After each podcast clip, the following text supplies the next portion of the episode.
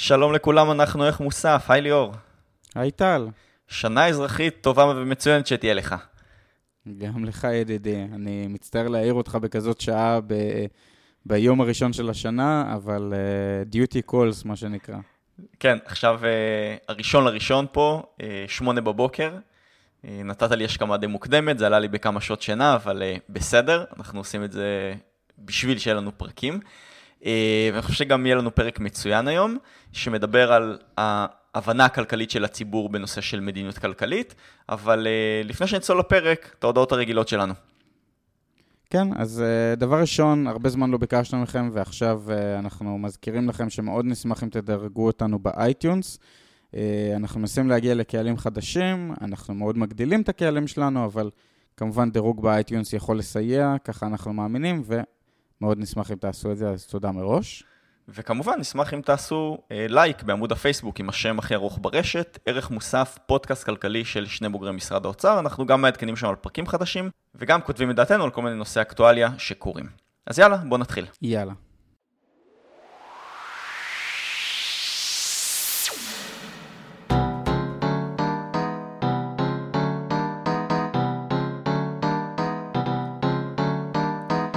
שלום וברוכים הבאים לערך מוסף, פודקאסט כלכלי של שני בוגרי משרד האוצר, ליאור תבורי וטל וולפסון. היי ליאור, מה נשמע? מעולה טל, מה איתך?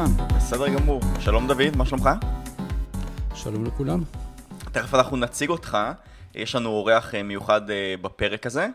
אבל לפני שאנחנו נתחיל אה, לדבר על הנושא של הפרק, אנחנו רוצים קצת אה, להציג אותו ולהסביר למה, למה בחרנו לעשות אותו. כן, אני חושב שהפרק היום הוא, הוא מאוד מיוחד, כי בדרך כלל אנחנו בוחרים נושא ומסבירים אותו, והפעם אנחנו נדבר קצת יותר במטה טענות.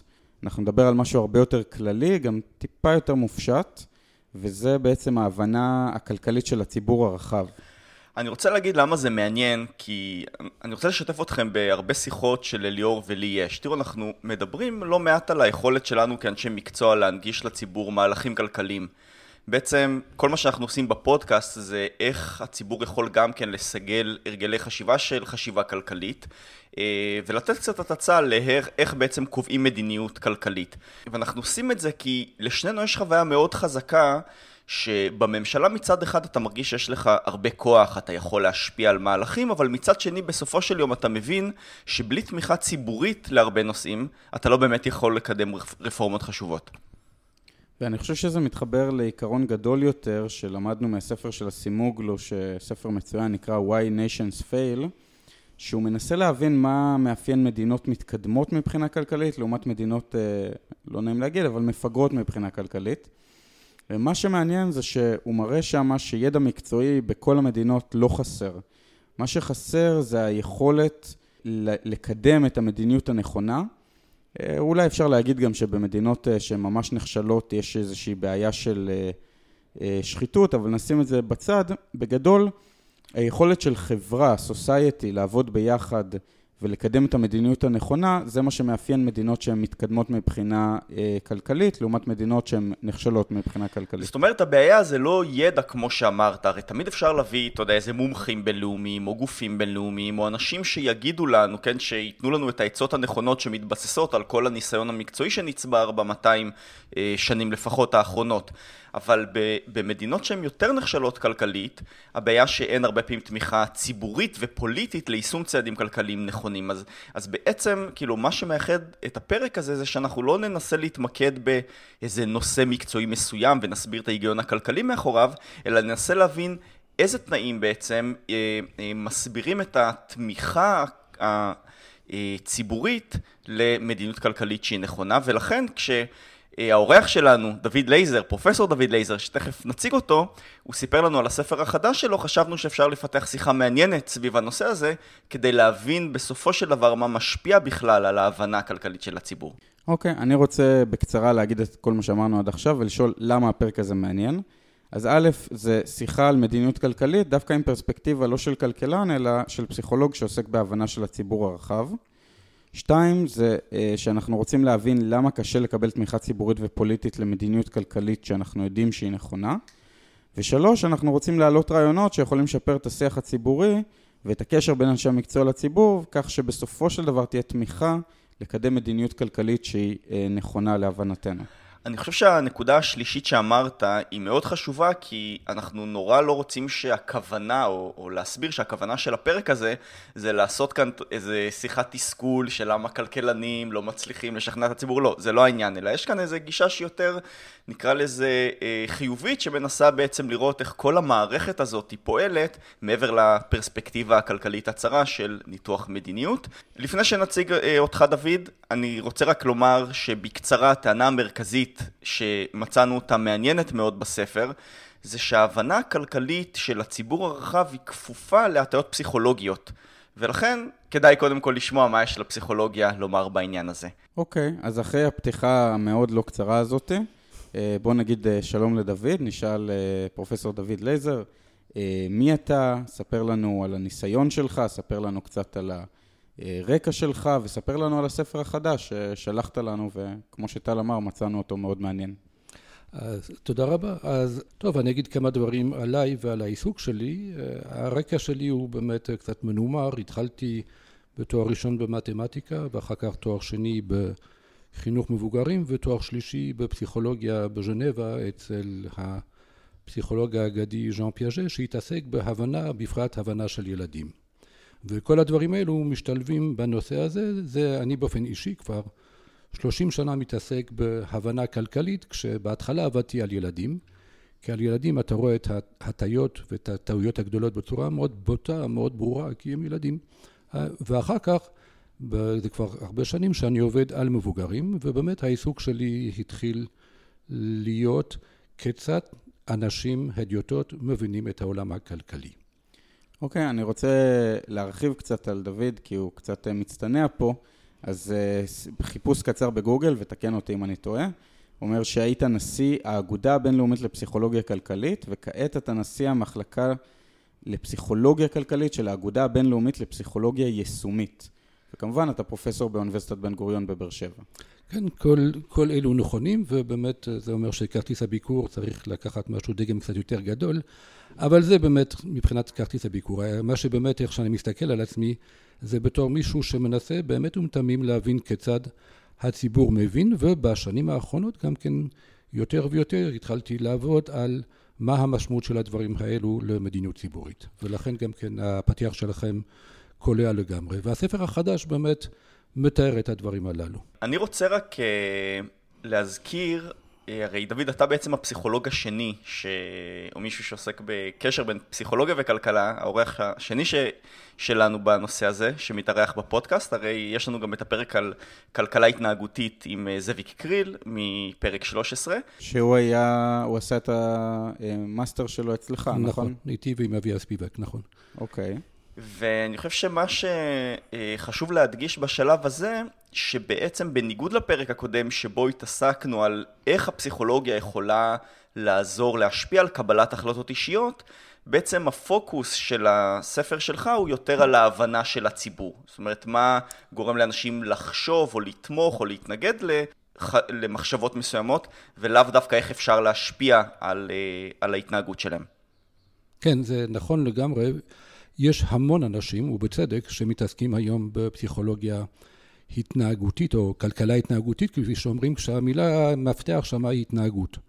ואילו אני מתעסק בהבנה, הבנת הכלכלה, כולל הבנה מקרו-כלכלית, שם הציבור הרחב לא נדרש לקבל החלטות ברמה אינדיבידואלית, אבל ההשלכות עליהן, אני חושב, זה עד כמה הפוליטיקאים שסוף סוף רוצים להיבחר, יטו להתנהג בצורה פופוליסטית במקום לקבל את ההחלטות הנכונות, משום שהציבור מבין את הדברים בצורה אה, לא נכונה, מעוותת, ועל זה אני מניח שאתם תרצו לשמוע יותר בהמשך. בהחלט. אז אני מציע שנצלול עכשיו לנושא עצמו, ואם לסכם את הספר שלך במשפט אחד, כמו שאני הבנתי, כמובן תקן אותי אם אני טועה, אתה בעצם טוען שאנשים שלא למדו כלכלה לא בנויים להבין את המורכבויות של העולם הכלכלי. אה, האם אני צודק? כן, אני חושב שזה נכון. אני שם מתעד בהרחבה, מתאר מצד אחד מהם המוגבלויות הכלכלי, סליחה, הפסיכולוגיות, הקוגניטיביות שלנו באופן כללי, וידוע על זה הרבה, ובאופן כללי יש לנו ראש קטן והרבה אנחנו לא מבינים, ומורכבות אנחנו לא מבינים, וטיעונים מורכבים קשה לנו, ועוד הרבה דברים נוספים. ומצד שני, יש כל העולם הכלכלי, שכמו שקיינץ דיבר, שמדובר שם בדרך חשיבה, והדרך חשיבה הזאת לקח באמת דורות של גאונים בעצם, בכלכלה, לפתח אותם, ואין מצב שהציבור הרחב יבין את הדברים האלו בלי הכשרה הכשרה מעמיקה, וגם שם רק אנשים יותר מוכשרים, לא כל אחד מתקבל למחלקה לכלכלה.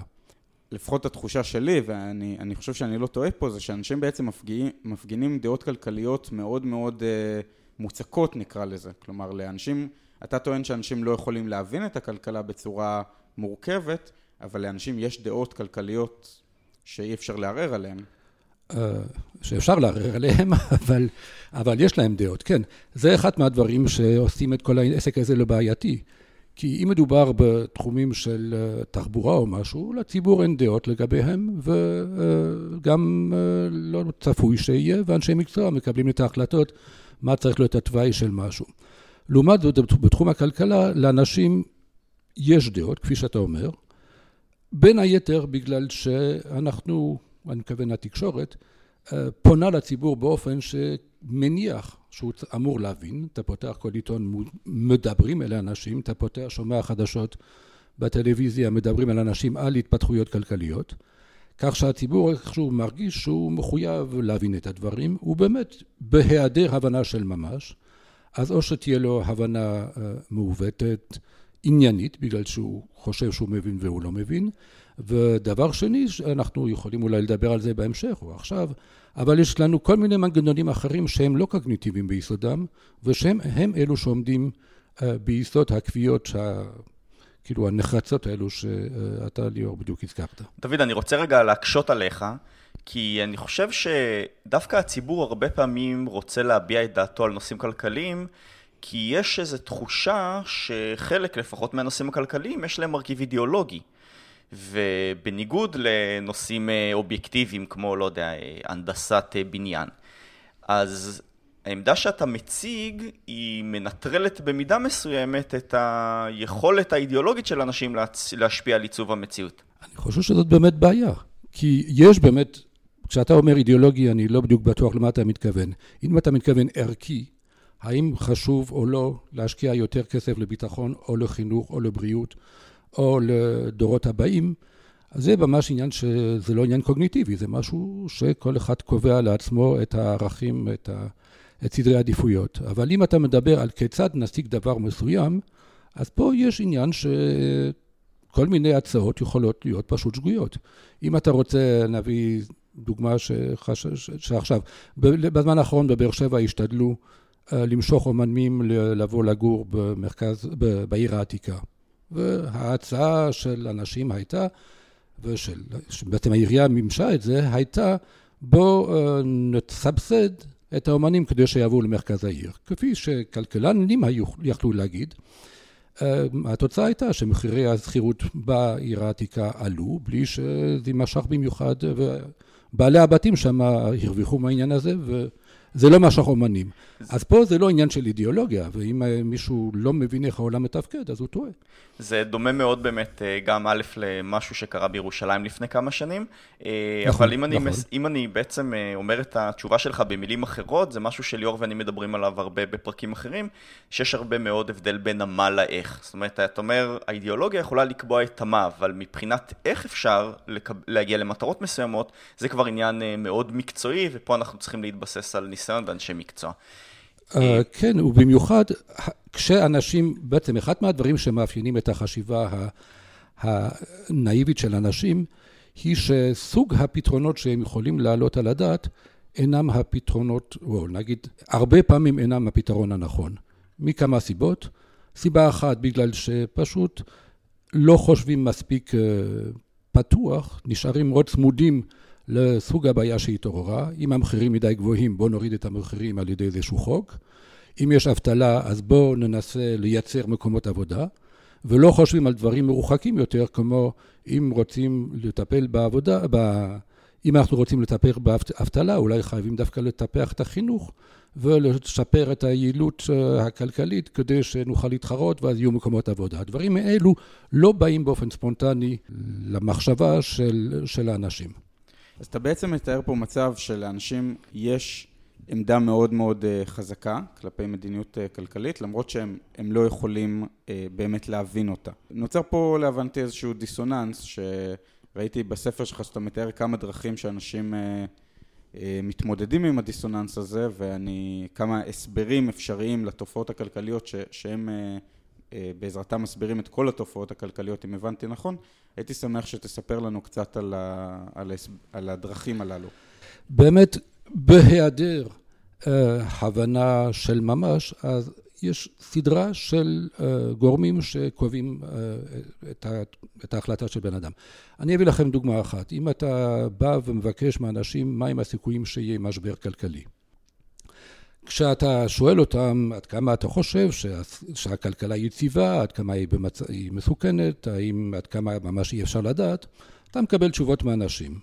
הפלא אבל זה מאוד חזק התופעה הזאת, היא שכשאתה שואל אותם שאלות בתחומים אחרים לגמרי, שאין להם כל זיקה לכלכלה, עד כמה נגיד הזוגיות של אנשים או שלך היא יציבה או לא יציבה, עד כמה הבריאות שלך היא כזו או אחרת, עד כמה כדור הארץ, אה, התחממות כדור הארץ ודברים כאלו, מסתבר שאנשים נורא עקביים בכל הדברים האלו.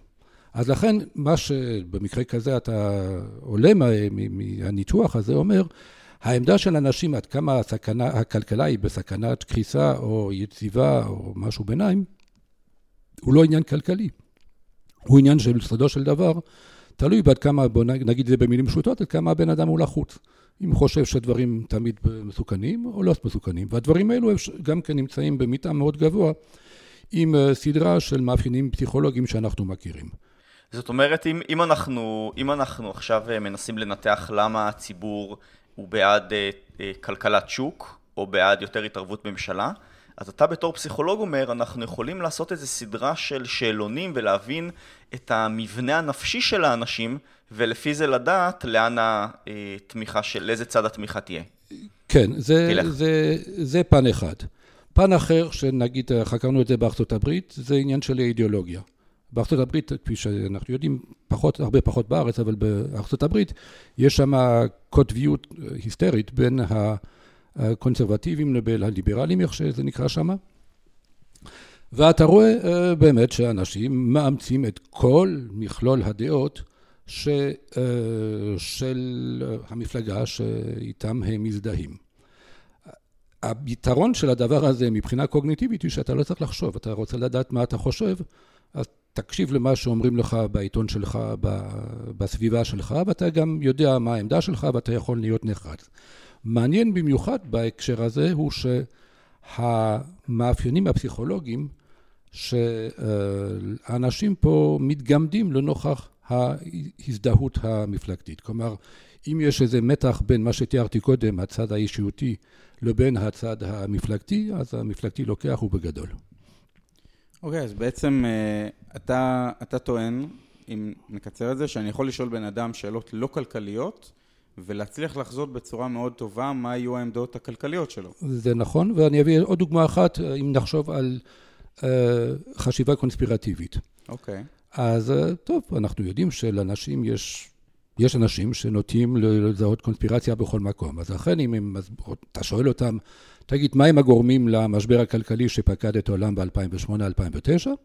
אז יש אנשים שיגידו, יצביעו על מישהו שעשה את זה, כן? יכול להיות שזה יהיו הבנקאים, יכול להיות שזה יהיו היהודים, אני באמת ראיתי הרבה דוגמאות כאלו בחוץ לארץ, וכל מיני, מיני כאלו. עכשיו, מישהו קונספירטיבי, אתה יכול לנבא את זה מעד כמה הוא מאמין שזה נכון שהאדם אכן נחת על הירח, ועד כמה זה נכון שלידי דיאנה נהרגה או לא נהרגה על ידי מלכת אנגליה, וכל יתר הדברים, ואפילו על ידי סדרה של דברים אחרים בתחומים של אה, עד כמה אתה מאמין באסטרולוגיה, ועד כמה אתה מאמין בלקרוא בקפה וכדומה.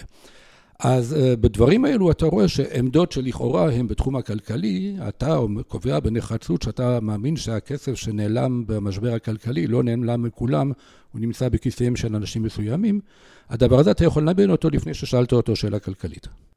אוקיי. באמת ראיתי משהו שמאוד מתחבר לדברים שאתה אומר. אה, אסף צימרינג במבוא לכלכלה ג' פרסם איזשהו אה, גרף שמראה איך אה, אנשים, שאלו אנשים, רפובליקנים ודמוקרטים בארצות הברית, מה הם חושבים על מצב הכלכלה, על המצב הכלכלי האישי שלהם, ורואים שהדמוקרטים היו בתוצאות הרבה יותר גבוהות לאורך הרבה שנים מהרפובליקנים, ועם בחירת טראמפ, אצל הדמוקרטים רואים ירידה חדה בביטחון הכלכלי, ואצל הרפובליקנים רואים עלייה חדה בביטחון הכלכלי, ובעצם הם החליפו מקומות. כלומר, בעצם לפי מה שאתה אומר, אם אני מבין נכון, אז עצם זה שמישהו שאני מאמין בעמדות שלו נבחר, גורם לי אוטומטית אה, להרגיש שהמצב הכלכלי השתפר. אני חושב שזה יותר רחב מזה. אה, עשיתי מחקר, אני חושב, מאוד ייחודי, שבו שאלנו אנשים סדרה גדולה של שאלות שכולם מאותו, סג... מאותו סגנון, אם איזה משתנה כלכלי X יעלה, מה יקרה למשתנה כלכלי Y. Okay. דברים כמו uh, שער השקל, ורמת האבטלה, וכמות הכסף שמסתובב בשוק, וכל מיני דברים כאלו בשפה שהיא לא כלכלית, כדי שאיכשהו יהיה פחות או יותר מובן. והתוצאה הייתה אה, די מדהימה. בעצם אנשים ענו על הדברים האלו, קודם כל, התוצאה הראשונה שמדהימה, וזה ברוח מה שטל אתה הערת, אנשים היו נורא מוכנים לענות. אני חושב שזה עומד בסדר גודל של 80% מהשאלות, אנשים היו מוכנים לענות. עכשיו, צריך להבין שעל כל צמד כזה, אם אתה שואל את האנשים, אין מצב שיבינו, ואנחנו יודעים, שאלנו, הם לא יודעים להסביר כלום. אז איך זה שהם כותבים בכל זאת בכזאת נחרצות? זאת בעצם הייתה השאלה שאתם שאלתם קודם. במקרה הזה, הדרך שבה הם עושים את זה, שיש להם איזה, אפשר לקרוא לזה איזה מהם טריק, אבל זה יותר מטריק. אם דבר אחד שאני מחשיב אותו לדבר טוב מבחינה כלכלית עולה, אז יחד איתו יעלו כל יתר הדברים שאני מחשיב אותם טובים מבחינה כלכלית. וברוח זו גם כן מה ש... ליאור, מה שאתה אומר על טראמפ וכלכלה, הכל ביחד יהיה בסדר גמור. וזה בעצם מסביר, למי שקצת בעניינים, זה מסביר 92% אה, מהשונות. כלומר, מה שנקרא באנגלית, we nailed it. זה ממש מסביר את העסק. והדבר הזה, קודם כל, לאסטרטגיה הזאת, אני קראתי The good begets good heuristic. כלומר, heuristic של דבר טוב מביא לדבר טוב. וכמובן, דבר רע מביא לדבר רע. אני רוצה רק לתת דוגמה שתחבר אותנו לדברים שדיברנו עליהם בעבר.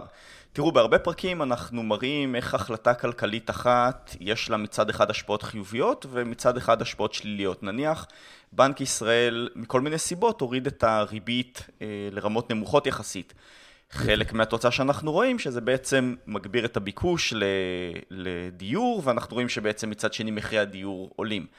אז, אז יש איזה משהו שהוא נורא טבעי, נורא בסיסי בחשיבה הכלכלית, שמנסה לנתח השפעה של כל צעד, איזה השפעות חיוביות יש לו ואיזה השפעות שליליות יש לו. ובעצם, בדיוק. מה שאתה אומר שאתם מוצאים, זה שהרבה פעמים הציבור אומר, אוקיי, עכשיו כל הפרמטרים הולכים בצור, בכיוון חיובי או שלילי, תלוי למשל, ליאור, כמו שאתה אמרת, אה, נבחר טראמפ, אז הכל יהיה עכשיו טוב, עכשיו הכל יהיה לא טוב, כן? Mm. והחשיבה הכלכלית היא קצת מורכבת בעניין הזה. בדיוק. מה שאני אמרתי זה שבמקום שיש 50 אה, גוונים של אפור בין טוב לבין רע, הכלכלנים אומרים, יש הרבה צבעים, זה, יש מצב ספציפי, ויש דברים מסוימים שיעלו ודברים אחרים שיעלו, שירדו. וכל זה, אפשר להסתכל על זה שבעצם הציבור מסתכל על המכלול כמשהו שנע בין טוב לבין רע. הכלכלה במצב טוב, הכלכלה במצב רע. אם אתה רפובליקני, אתה אומר, טראמפ נבחר, אה, עכשיו הכל יהיה בסדר, ואז הכל יהיה בסדר. רק נציין על הדרך, זה גם בסוג הדברים שאתם העליתם בפודקאסטים שונים, זה שיוצא שאינפלציה ואבטלה יעלו וירדו ביחד. עכשיו, אף כלכלן יגיד דבר כזה, מה שנקרא עקומת פיליפס, אף אחד לא אומר שזה ילך באותו כיוון. נכון. והנה, אתה מקבל למעלה מ-80% מה, מההדיוטות שקובעים ששני הדברים האלו נעים אה, ביחד. ומצאנו את זה לא רק פה, אלא גם כן באיזה סקר היסטרי באוסטרליה, מאות אלפי אנשים, זה מה שאתה מוצא. תראה, אני, אני רוצה רגע להתקדם אה, צעד אחד קדימה, כי נראה לי הבנו את הנקודה הבסיסית שאומרת שיש הבדל בין איך שכלכלנים חושבים לבין איך שהציבור הרחב חושב.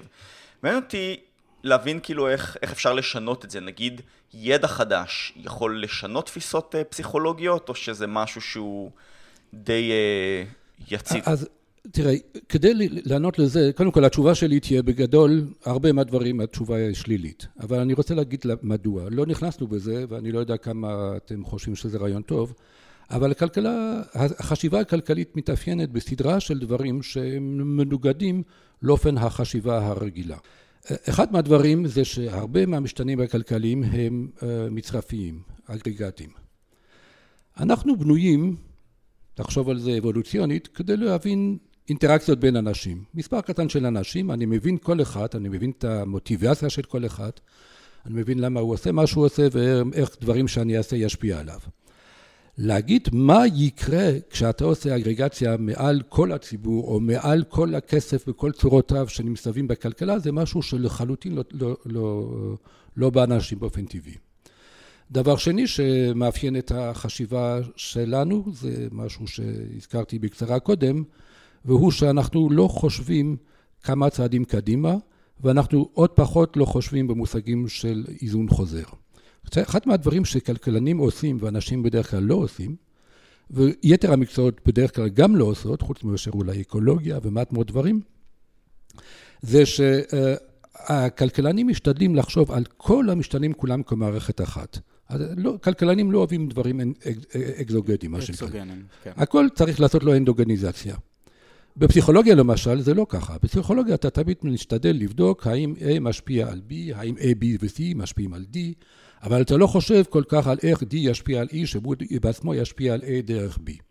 כלכלנים עסוקים בזה הרבה מאוד, זה חלק מה, מהחשיבה, וזה מדי מסובך לראש הקטן שלנו שציינתי בהתחלה. אז די אולי בשני הדברים הללו. אולי דבר אחרון שאני רק אציין, בלי שניכנס בו, זה חשיבה במושגים של אקוויליבריום. חשיבה... שיווי משקל. שיווי משקל, ונטייה לשיווי משקל, ולהסביר דברים בצורה כזאת. ובגלל כל הדברים הללו, זה אומר שיהיה מאוד מאוד קשה להסביר להדיוטות את עקרונות הכלכלה. אז המאמץ שלכם עם הפודקאסט כמובן מבורך, אבל עדיין לא צריך להיות, לקוות שיהיה אפשר להסביר את כל נבחי הכלכלה. אני רק רוצה להעלות עוד נקודה שהעלית בספר, שמצאתי אותה מאוד מעניינת, וזה הגישה השונה של כלכלנים ולא כלכלנים לסוגיית המחיר. כלומר, אה, כלכלנים רואים במחיר מנגנון שעוזר לנקות את השווקים, כלומר, להפגיש בין היצע ובין ביקוש. אתה טוען שאם הבנתי נכון, ושוב תקן אותי אם אני טועה, שהלא כלכלנים מסתכלים על המחיר גם כמשהו אה, מוסרי, אה, וגם יש להם גישה שהיא, שיש, לה איזושהי, שיש להם איזושהי בעלות על המחיר החוקי. כלומר, אם שינו את המחיר, אז בעצם פגעו בבעלות הפרטית שלהם. ואתה נתת דוגמה מצוינת על עטי חפירה לשלג, שכשיש סופה אז המחיר עולה, ואנשים מתעצבנים שהמחיר עולה כי הם מרגישים שבעצם היצרנים רימו אותם אה, ומנצלים את המצוקה שלהם. כשבעצם מה שאנחנו מבינים ככלכלנים, שבגלל שהביקוש עלה, אתה צריך שיספקו את ההיצע גם ממקומות אחרים ש, שבהם אין סופת שלג, וכדי שהיצרנים יסכימו לספק את ההיצע, המחיר חייב לעלות. כן, אז אה, קודם כל זה לא רעיון, הדוגמה הזאת היא לא שלי, אלא של לא פחות משני פרסי נובל, כי גם קנמן וטלר ועם עוד אחד קנט שהם כתבו מאמר שמתאר את הדברים האלו, אני הבאתי את הצד הזה של הפן המוסרי, כן, שבאמת לאנשים יש איזשהו מחיר ייחוס שנראה להם את המחיר הנורמלי, מושג שעבור כלכלנים נשמע מזעזע, ועבור פסיכולוגים אומרים, ככה אנשים חושבים, שיש מחיר נורמלי לדברים. אני קראתי לזה מחיר ייחוס, איך שלא נקרא לזה. ואז כאשר אנשים מנצלים את הדבר הזה, זה באמת מעורר הרבה כעס. היה כמה נקודות ש, שתפסו לי ממש את העין בספר שלך. כתבת נניח שהציבור אוהב פתרונות ישירים. כמו, כמו שתיארת בתחילת הפרק, מחירי הדיור גבוהים, נפקח על מחירים. האם זה אומר שהציבור בעצם דוחה פתרונות אה, עקיפים, שאם אני אסביר לו שפיקוח על מחירים בסופו של דבר יורד לירידת ההיצע וכולי ויעלה את המחירים, האם הוא ידחה פתרונות שוק או שהוא פשוט לא חושב עליהם? קודם כל הוא לא חושב עליהם, וזאת נקודה, אתה באמת מציין משהו חשוב שם. א', הוא לא חושב עליהם. ב', לדעת אם הוא לא יבין או לא, אם הוא יסכים אותם או לא, אני חושב שזה נושא למחקר, צריך לבדוק את הדברים האלו, אבל יש מצב שכן. כי uh, קורה לא אחת, לתת לכם דוגמה, הזכרת הדברים האלו של פיקוח מחירים. אם אתה מעלה בפני מישהו, הוא אומר, כן, אבל אם באמת הלחץ על המחירים יישאר כמו שהוא, ואומרים שאסור להעביר כסף, לשלם יותר מאשר כך וכך, האם אתה לא חושב שאנשים יתחילו לשלם מתחת לשולחן? Mm-hmm. אז אנשים לא אומרים שזה מופרך, למרות שהם בעצמם לא יעלו את זה. אני לא יודע באמת מה הסיכויים, יש כמה מקומות בעולם שבאמת יש פיקוח מחירים, יש מקומות שעושים את הדברים האלו, אני לא אומר שהרעיון הזה הוא כשלעצמו רע. אני כן אומר שאנשים יבואו עם פתרון אחד, כי זה היחידי שהם חשבו עליו, ואם אתה מביא להם דברים עקיפים שנשמעים משכנעים, יש מצב, ש... יש מצב שבדברים כאלו ישכנעו, זה לא שדוחים את זה על העיקרון. כן, אתה, אתה הבאת דוגמה ש... שהייתה מאוד מעניינת בפ... בעיניי, שנניח אה, סוגיית גיל פרישה. לי ככלכלן ברור שככל שתוחלת החיים מתארכת, גיל הפרישה חייב לעלות, אחרת רמת החיים שלנו בפרישה תהיה נמוכה הרבה יותר. אבל הציבור, ממה שאתה אומר, לא מבין את זה, לפחות לא אינטואיטיבית, וניתן לי בעצם במרכאות להכריח אותו לחשוב על זה, אם למשל אתה תקבע את גיל הפרישה כאחוז מסוים מתוחלת החיים.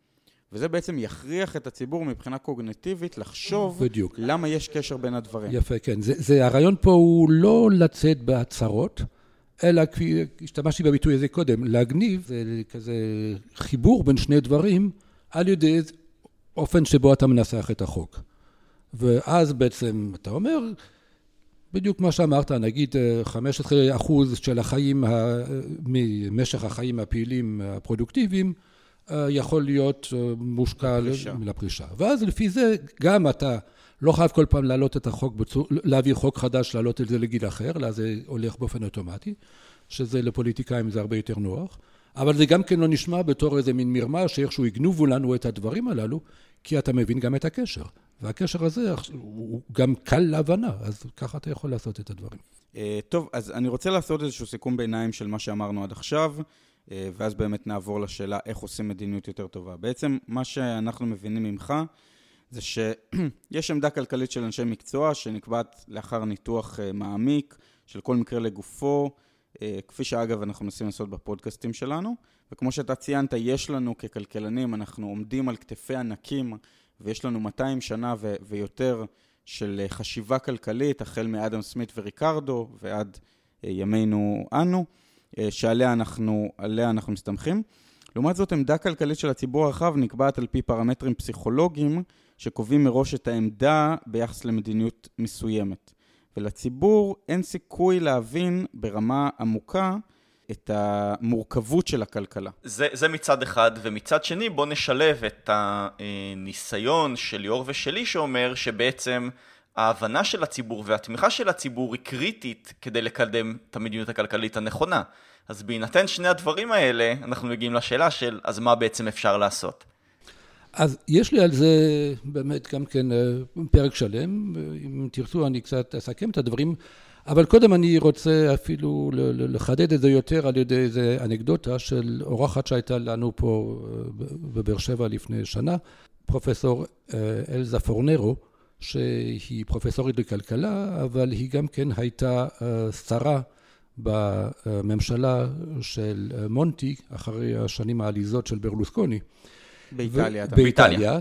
באיט... באיטליה, ושם באמת אה, היא נבחרה כדי לשנות את חוקי הפנסיה וחוקי העבודה, משום שהיה ברור שמה שהובטח שם מבטיח לגמרי שעוד כמה שנים הוא לא יישאר בכלל שום, בכלל כסף. אני רק אה, אעשה כאן הפסקה מתודית ואגיד שבעצם אה, אחרי אה, שאיטליה נקלעה למצב כלכלי מאוד מאוד מאוד מאתגר, אז הוקמה ממשלת טכנוקרטים, כמו שזה נקרא, בדיוק. הביאו מומחים לדבר, כדי שהם יעשו את מה שנכון, בניגוד לפוליטיקאים, שעד אותו רגע, לפחות דעה ליבל האיטלקים, עשו את הדברים הלא נכונים. ואז הביאו את אותו, אותה פרופסורית כדי שהיא תעשה את הדברים הנכונים. נכון, ולמעשה ההסדר, ההסכם אני חושב היה, אם אני יכול להיות קצת ציני, שהפוליטיקאים אמרו, טוב, אז נעשה מה שאתם אומרים, ואחר כך אנחנו נתנער מכם בצורה כזאת, נוכל להמשיך אה, לדבר בצורה כזאת. אפשר להכניס עוד משהו בסוגריים, שבאמת הרבה פעמים אה, אנחנו יודעים שמשברים הם הזדמנות לעשות צעדים שהם אה, נכונים והכרחיים, ראינו את זה גם בישראל בשנות ה-80. זה נכון, אבל בכל מקרה, מה שרציתי לספר זה שאלזה פורנרו היום חייבת להסתובב עם שומר ראש. והיא חייבת להשתמר מראש בגלל שבאמת כולם כעסו עליה והיא עכשיו מהאנשים המובילים, לכן באמת הזמנו אותה אצלנו, אה, שאומרים חלק מהמדיניות של רפורמה בפנסיה עובר דרך אה, השכלה כלכלית יותר טובה של הציבור. זה לא איזה מין לוקסוס, הוא אומר בלי זה זה לא יעבור. ולכן חייבים לעבוד על זה, ולכן אנחנו קצת עובדים ביחד ומתעסקים בדברים האלו. אז זה כדי כאילו לחזק על ידי את האנקדודה, את בדיוק מה שאתם אמרתם. אבל עכשיו, מצד שני, אני אומר, אבל כן, אבל מה לעשות, אנשים לא יבינו. וכאן יש לי באמת אה, תורה סדורה שאני יכול להסביר בכמה משפטים. למעשה צריך לעשות את ההבחנה הגדולה בין מה שניתן להסביר לבין מה שלא ניתן להסביר. יש דברים שבאמת לא, לא, לא ניתן ולא יהיה ניתן לה, לה, לה, להסביר, ואת זה צריך לקבל. אבל על מנת שכלכלנים יוכלו להריץ את הדברים האלו, הם צריכים, כלכלנים וממשלה, כן? אז צריך לזכות באמון הציבור. ואמון הציבור אתה יכול לקנות בצורה הוגנת, על ידי שאתה מסביר לו את כל הדברים שאתה כן יכול להסביר. אני רוצה שתחדד את הנקודה הזאת של להסביר, גם היום כשמשרד האוצר מקדם איזה תוכנית כלכלית, הוא מוציא איזה הודעה לעיתונות, והוא אומר, הנושא הזה חשוב כי א', ב', ג', אז מה בעצם צריך להיות שונה ממה שעושים היום? אני חושב שקודם כל צריך להבין איפה הציבור נמצא. אני זוכר שפעם הייתי בטלוויזיה כשבדיוק היה כזה מהלך של האוצר, ומי שהיה ממונה על הפנסיה דיבר שם, ועודד שחר שם היה מראיין, והוא ניסה ככה לפרשן את הדברים של איש האוצר לציבור הרחב, ואני אמרתי לעצמי, אבל הוא לא מבין עד כמה הציבור עמוק לא מבין במה מדובר. מיר. עודד שחר. הוא מבין יותר מדי כדי להבין איפה הציבור הזה נמצא. Mm-hmm. ואני חושב שזה נכון באופן כללי. זאת אומרת, צריך גם לעשות מחקר, אה, טוב, אני פה מדבר לביתי, אבל uh, צריך לעשות מחקר להבין בדיוק את מה אנשים חושבים, ואז אתה יכול לפנות אליו מאיפה שהוא נמצא ולהסביר לו את הדברים בצורה כזאת. כרגע, גם אני רוצה להגיד לכם עכשיו uh, במחילה, הפרק שנתתם לפני כמה זמן על מה צריך לעשות עם היתרות uh, גבייה של... כן. אז אתם אמרתם שמה קמים, טוב, תבינו, זה לא, זה לא הנושא, זה לא העניין, זה טכני, זה back, back office שבבאק אופיס.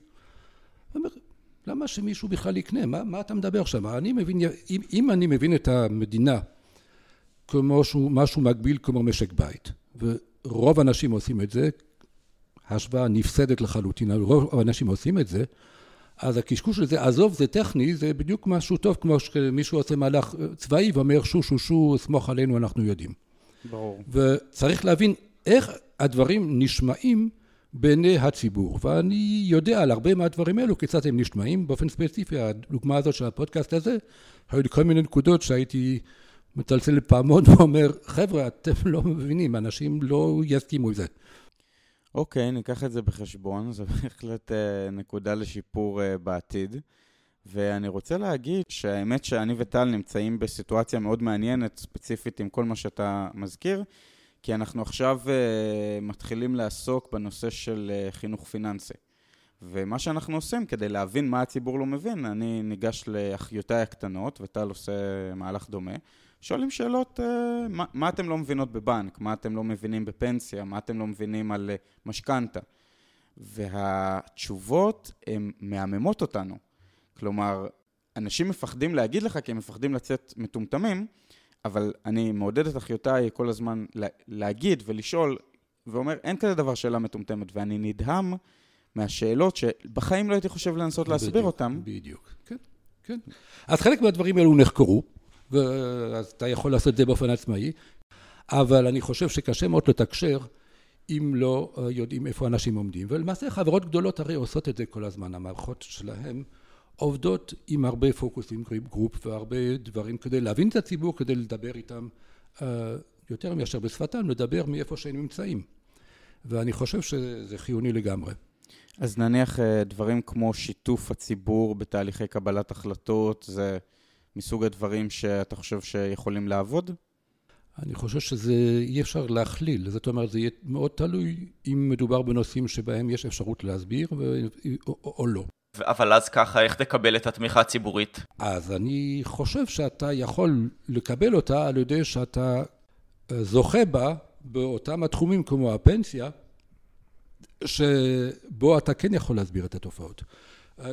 המהלך של משרד האוצר שקבע 50 שקל לחודש לכל ילד, אני לא זוכר מה היה. חיסכון לכל ילד. חיסכון לכל ילד, זה משהו שדרכו אתה יכול, א', עצם הדבר הזה, אתה רואה שהנה, הם לא כל הזמן רק חוטפים, מנסים להיטיב עם העם. דבר שני, על הדרך אנשים התחילו לשאול את עצמם, רגע, מה עדיף לי, להשקיע את זה בקרן, או כדאי או לי בבנק. להשקיע את זה כן. בבנק? כן.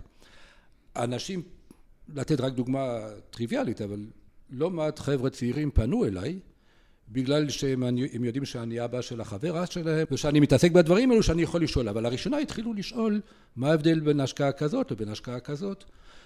בדברים כאלו האוצר, לא רק על ידי חלוקת כסף, כן? על ידי זה שמסביר דברים שניתן להסביר, אז אה, אפשר לעשות, אה, להתקדם בצורה ניכרת. ופעם שרוכשים בציבור, אז אפשר באמת לסמוך שיהיה באמת מידה של אמון, כמו שיש גם אמון במערכות אחרות. זה, זה הפתרון היחידי שיש לי, אבל ל, ל, כאילו אה, לקוות שניתן ללמד הבנה אמיתית של מדיניות כלכלית אה, לציבור הרחב זאת פשוט אשליה, ואני חושב שכנראה זה גם לא נחוץ, זה גם תחומים אחרים, אתה לא מצפה לזה. אני רוצה להגיד באמת על מה שאמרת, שבעצם מה שאני רואה שקורה במשרד האוצר בשנים האחרונות, שהחל מהרפורמה של 85 שנתנה הרבה יותר כוח לאגף תקציבים, בעצם אגף תקציבים הרבה מאוד שנים הסכים לשחק משחק שבו כולם צעקו עליו והוא העביר את הרפורמות שהיו חשובות לו. והוא פשוט אה, היה כמו אה, ראש בקיר, אבל הצליח לעבור את הקיר. בשנים האחרונות אנחנו רואים שזה לא עובד, ומשרד האוצר מתחיל להבין שזה לא עובד, ובאמת יש איזשהו שינוי דיסק, אבל אתה מדבר על איזשהו מהלך הרבה יותר עמוק של שילוב ציבור, והייתי רוצה גם שנדבר על מי, מי זה הציבור הזה, אה, בהחלטות ששוב, כמו שאתה מתאר אותם, הציבור כן יכול להבין בהם. אוקיי, okay, בסדר גמור. אז uh, תודה רבה, דוד, על uh, כל השיחה המעניינת ועל ה, uh, על זה שנתת לנו uh, לקרוא והזדמנות לדבר על הספר החדש שלך, אבל בכלל גם לא הזכרנו איך קוראים לו, מה השם שלו? אה, קוראים לו How We Misunderstand Economics and Why It Matters. אנחנו גם נשים לינק באתר, אה, פשוט אה, אה, מי שמעניין אותו יכול אחרי זה לראות את זה באתר שלנו. ו, ובאמת אני חושב שהשיחה הזאת הייתה מעניינת, כי, כי בעצם זה, זה הזדמנות לדבר קצת על מדיניות כלכלית ממבט על, וכמו שאמרנו בהתחלה, לא דו, לאו דווקא להתמקד באיזה נושא ספציפית, אלא בכלל להסתכל באופן רחב על איך כל השיח הכלכלי הציבורי מתנהל. אבל כמו תמיד אנחנו רוצים לראות מה לקחנו מהפרק. ליאור, מה, מה אתה לקחת מהפרק הזה? אוקיי, okay, אז מה שאני לקחתי מהפרק זה דבר ראשון שהציבור לא יכול להבין את המורכבות של המערכת הכלכלית והוא צריך גורמים מתווכים. אני מאוד מקווה שאנחנו כאן בפודקאסט מצליחים להיות גורם מתווך אה, טוב, אבל כמו ששמענו, אה, יש מה לשפר. אה, והדבר השני והחשוב זה שצריך לחזק את האמון של הציבור אה, במוסדות, כי בעצם הזכרנו את הסימוגלו ואת הספר שלו, שאומר ש... החוזק של מוסדות, שזה בין השאר אמון הציבור בממשלה ובכל הגופים השונים שלה, הוא קריטי להצלחה של אה, מדינות, ולכן ככל שנצליח באמת להבין את הפסיכולוגיה של אנשים ולדבר אליהם בשפה ש... שהם מבינים ולהנגיש את המדיניות הכלכלית, ככה נוכל בעצם לייצר מדיניות כלכלית יותר טובה, וכחברה, להבנתי, נצליח להתקדם אה, יותר טוב. אז זה מה שאני לקחתי מהפרק, אני אשמח לשמוע גם מה אתה לקחת מהפרק. אמ, אני חושב שבעצם הדבר המרכזי שלקחתי זה שגם משרדי ממשלה, אבל בייחוד משרד האוצר ובנק ישראל, זאת אומרת הגופים, אולי גם משרד הכלכלה, הגופים שקשורים ישירות לביצוע וגיבוש מדיניות כלכלית, צריכים הרבה יותר לחזק את הקשר עם הציבור. חוץ ממה שקורה דרך הדוברות. תראו, אני רוצה רק קצת לתאר את, ה, את מה שקורה היום. אם אנחנו עכשיו רוצים לקדם איזה מדיניות מסוימת, אנחנו דרך המנגנונים של הדוברות, לפעמים גם דרך תדרוכים אה, לא פורמליים עם, עם גופי תקשורת, עם עיתונאים, אנחנו מנסים להסביר מה בדיוק אנחנו עושים. אבל אנחנו חיים כבר בעידן אחר, בעידן שיש אה, מקובל יותר לעשות תקשורת ישירה. ואני חושב שבסופו של דבר, גם היום הרבה יותר מעניין את הציבור מאשר בעבר נושאים כלכליים, ולכן גם גופים ממשלתיים צריכים לדבר בשפה החדשה, לא רק לשחרר דרך הדוברות כל מיני הודעות שמסבירות מה עושים, אלא לחזק דברים, דרך אגב, שגם חלקם נעשים, לעשות הרצאות לציבור, לכתוב בלוגים, סרטים ביוטיוב, משרד האוצר לפני שנה לדעתי עשה כמה סרטונים די מוצלחים, אה, אגב תקציבים, אה, נכון, ביוטיוב, שמסביר מה, מה הם עושים. נכון, בהקשר של חוק ההסדרים. כן. אה, מישהי אמרה לי ממשרד האוצר ששוקלים אולי לעשות שם פודקאסט, אבל באמת אני חושב שהדבר המרכזי זה, זה שהממשלה צריכה פה לחשוב קצת אחרת ולהיות בקשר יותר ישיר עם הציבור, אה, בניגוד למה שקורה היום. נכון, אבל אני חייב להגיד עוד נקודה אחת, שזה לא רק הממשלה, אני חושב שאנחנו מדברים באיזושהי דיכוטומיה על ממשלה ועל אזרחים, ואני חושב שבאמצע... מי שעומד בצורה הכי טובה בין הממשלה ובין האזרחים ויכול להיות מתווך הוגן, זה בעצם החברה האזרחית. אני חושב שהחברה האזרחית היא מאוד חשובה, מאוד מתפתחת בשנים האחרונות בישראל, ואני חושב שכל אחד מאיתנו, אם הוא רוצה לחשוב מה הוא יכול לעשות כדי לקדם את הנושאים שדיברנו עליהם היום, זה באמת איך הוא יכול אה, לחזק את החברה האזרחית כדי שתהווה אה, מתווך מידע בין הממשלה ובין האזרחים בצורה הכי טובה שאפשר. מעולה. אוקיי, אז uh, הגענו לסוף של הפרק. Uh, דוד לייזר, פרופסור דוד לייזר, תודה רבה שהיית איתנו, מאוד מאוד שמחנו לקיים איתך את השיחה הזאת. תודה שהזמנתם אותי. כן, uh, וטל, ושוב... אני צריך uh... להודות לך על, על הנכונות שלך להתעורר בשמונה בבוקר של ערב השנה החדשה, במקום לצאת לבלות. אז כל הכבוד לך. לא, זה לא, זה, זה לא במקום, אבל כן, זה היה על חשבון שעות שינה לגמרי. מעולה. אז uh, טוב, שיהיה לך יום נפלא, אנחנו כבר בסוף היום פה, כמובן. כן, אה, נהדר, ומה שנקרא, נתראה בפרק הבא. אז uh, תודה שוב שהייתם איתנו, אני טל וולפסון. אני ליאור תבורי. אנחנו ביחד ערך מוסף, להתראות. להתראות.